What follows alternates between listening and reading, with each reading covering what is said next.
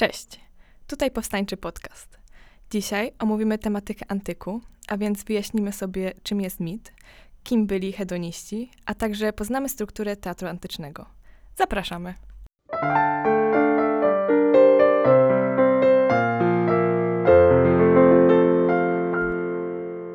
Antyk z łaciny antiquus oznacza dawny. Epoka trwała około 1300 lat, od przełomu IX i VIII wieku przed naszą erą do 476 roku, który należy kojarzyć z upadkiem Cesarstwa Zachodnio-Rzymskiego. Ważnym pojęciem, charakterystycznym dla tej epoki jest mit. Jest to narracyjna opowieść przekazywana ustnie, będąca elementem tradycji danej cywilizacji i obrazem jej wierzeń. Tworzona jako próba wyjaśnienia różnych zjawisk na świecie, często poprzez usytuowanie bogów jako bohaterów, jednak nadając im ludzkie cechy i słabości. Taki sposób przedstawienia bogów nazywamy antropomorfizmem.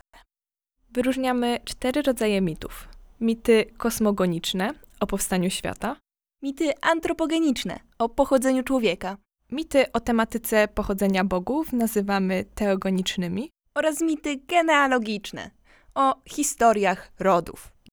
Dla twórców następujących epok rzymska i grecka mitologia stała się inspiracją i źródłem toposów, motywów oraz alegorii, czyli obrazów literackich o znaczeniu dosłownym oraz sensie przenośnym. Wyróżniamy między innymi topos Arkadii, motyw przestrzeni zarezerwowanej dla idylicznego, beztroskiego sielankowego życia. Nie należy mylić Arkadii, która dotyczy stricte jakiegoś miejsca przestrzeni, z utopią, która jest sposobem ukazania wizji doskonałej, acz nierealnej rzeczywistości. Prometeizm jest to postawa polegająca na altruistycznym buncie przeciwko wyższej instancji i poświęceniu w imię dobra większości lub jakiejś idei, wartości. Jest to postawa heroiczna, a zarazem tragiczna, gdyż skazuje bohatera na cierpienie. Zajmijmy się teraz gatunkami antyku, a zatem eposem, tragedią, komedią i dramatem antycznym. Zacznijmy od eposu. Jest to najstarszy gatunek epicki. Utwór o charakterze fabularnym, opisujący dzieje legendarnych lub mitologicznych bohaterów, przedstawionych w wyidealizowany sposób. Następuje tu heroizacja postaci. Zaczyna się inwokacją. Zawiera stałe elementy kompozycyjne, takie jak wielowątkowość, rozbudowane porównania, zwane homeryckimi, a także stałe epitety, które tworzą trwałe związki frazeologiczne z określonym wyrazem, na przykład gromowładny Zeus. Pojawiają się w nim elementy fantastyczne, które przenikają do świata realnego, współistnienie świata bogów i ludzi. Posiada wierszowaną formę utrzymaną w poważnym, patetycznym stylu, a narrator, wszechwiedzący, zachowuje epicki dystans. Tragedia. Jest to najstarszy gatunek dramatyczny, utwór przeznaczony do wystawiania na scenie. Występuje tu styl wysoki oraz podział na role. Tragedia czerpie tematykę z mitów, opisuje dzieje bohaterów uwikłanych w tzw. Tak konflikt tragiczny. Bohaterowie reprezentują równorzędne racje, spośród których nie sposób wybrać. Postacie obciążone są winą tragiczną, czyli hamartią.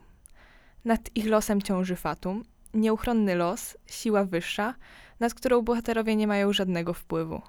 Tragedia antyczna zachowuje zasadę trójjedności. Miejsca, czasu i akcji. Oznacza to, że odbywa się w jednym miejscu, fabuła jest jednowątkowa, a czas akcji zamyka się w 24 godzinach. Po obejrzeniu starożytnej tragedii widzowie mieli doznać katarzis, to znaczy duchowego oczyszczenia. Dogłębne przeżywanie losów bohaterów, odczuwanie litości i trwogi miało doprowadzić do przemiany wewnętrznej, refleksji nad losami postaci.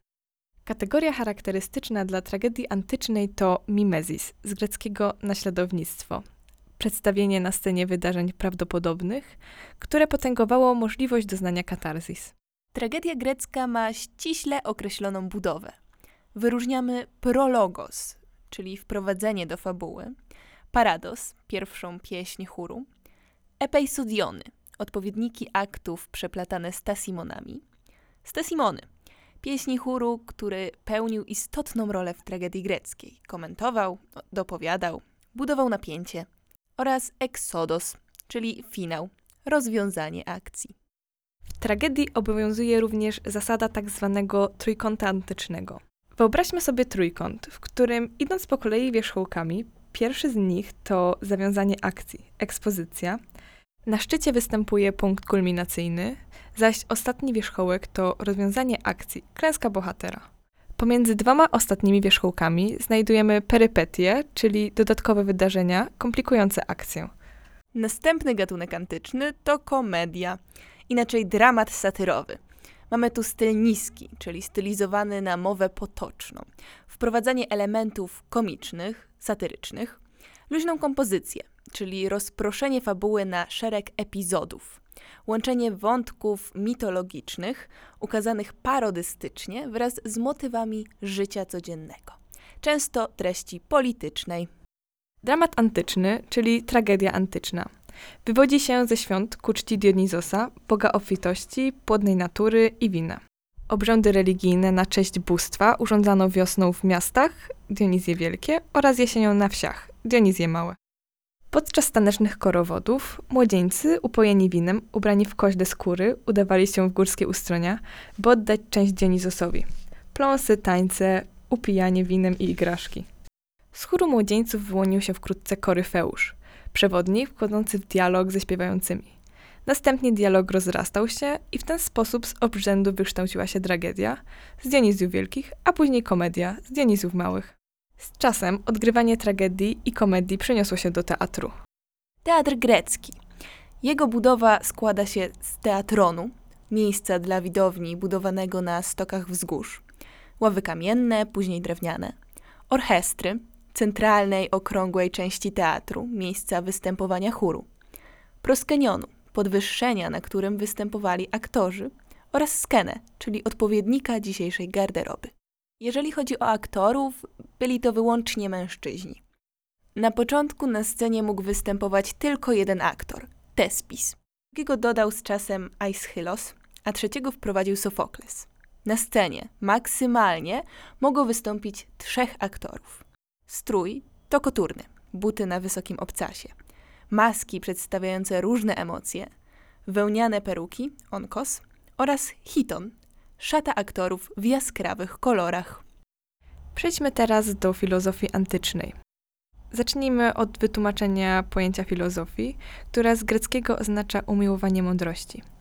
Jest to nauka zajmująca się rozważaniem na temat jednostki ludzkiej i poglądów człowieka na świat. Jednym z istotnych filozofów był Sokrates. Wprowadził on pojęcie cnoty, określone jako doskonałość, mądrość, umiejętność panowania nad sobą i sprawiedliwość.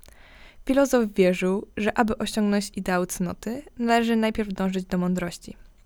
Prawdę uważał za subiektywną wartość, o czym świadczy jego najsłynniejsza sentencja: Wiem, że nic nie wiem. Platon to uczeń Sokratesa, który uważał świat wyłącznie za odbicie idealnego bytu. Każda materia miała swój pierwowzór w świecie idei. Człowiek powinien dążyć do ideału i w tym znajdować szczęście. Arystoteles był uczniem Platona. Wprowadził on pojęcie eudaimonii, ostatecznego ideału, jaki osiągnąć powinien każdy człowiek. Filozof uważał, że szczęście może przynieść jedynie czynienie dobra. Stoicy. Szkołę utworzył Zenon Skition, który postulował życie w umiarkowaniu, zgodzie z naturą, zachowaniu trzeźwości umysłu oraz uniezależnianiu się od pokus. I sądził, że człowiek powinien zachować niewzruszony spokój wobec przeciwności losu. Stąd powiedzenie stoicki spokój. Epikurejczycy.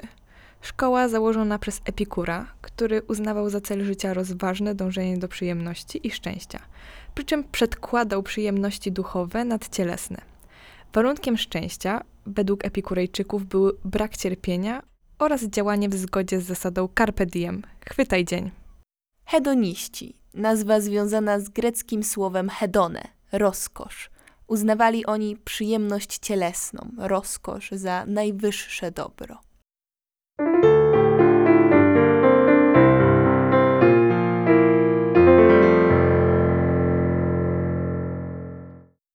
To wszystko na dziś, a mówiły dla Was Julia Stajer i Natalia Zdrzałek. Cześć!